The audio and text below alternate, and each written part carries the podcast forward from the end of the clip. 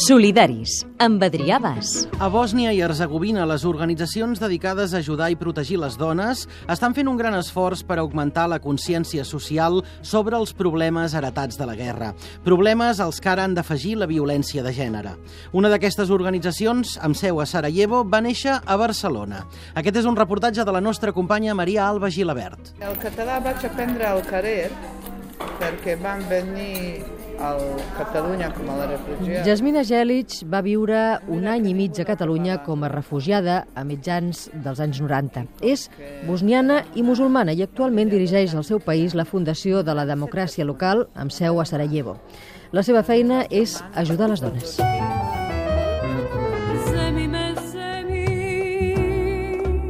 La Fundació de la Democràcia Local va néixer fa 16 anys com a oficina de cooperació de Barcelona a Sarajevo, però ja en fa 10 que funciona com a ONG bosniana. La seva feina és, com ens explicava Jasmina, donar suport a les víctimes de la violència de gènere, un fenomen en augment. El problema de la violència domèstica cada dia és pitjor. El problema és la situació política i econòmica al Bòsnia. Tenim un 50% percentatge del paro. Eh, les homes que tradicionalment, saps, portaven diners a la casa ja no tenen feina, ja no veuran una sortida de tota aquesta situació i això al final sortirà amb unes eh, reaccions que no són vàlides, però vale, són reaccions que se manifesten com la violència domèstica. Sarajevo té aproximadament mig milió d'habitants i, segons les últimes dades, cada dia es presenten 10 peticions d'ajuda de dones maltractades.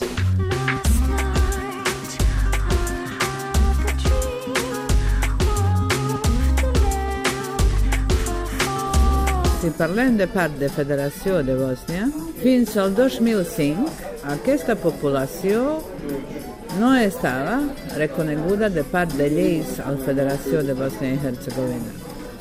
I si tu no estàs reconeguda per les lleis, vol dir que tu no existeix.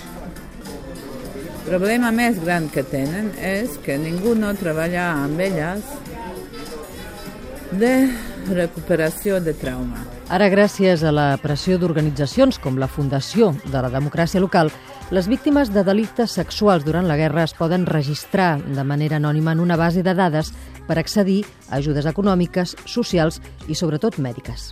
Aquesta base de les dades ja tenen un uh, 4.000 dones. Una feina ingent que topa, a més, amb la llei del silenci que suporten les víctimes i que arriba als fills que hagin pogut tenir. Molts marits no tenen ni idea que la seva dona va ser violada. El problema més gran per elles és que porten com una culpa. Fins i tot les persones que, com la Jasmina, fa anys que treballen amb aquesta problemàtica, procuren saber com menys millor. Són conscients que encara hauran de passar molts anys perquè tant aquestes dones com els seus fills siguin acceptats per la societat. Projecte Explica Europa a Europa amb el suport de la Comissió Europea.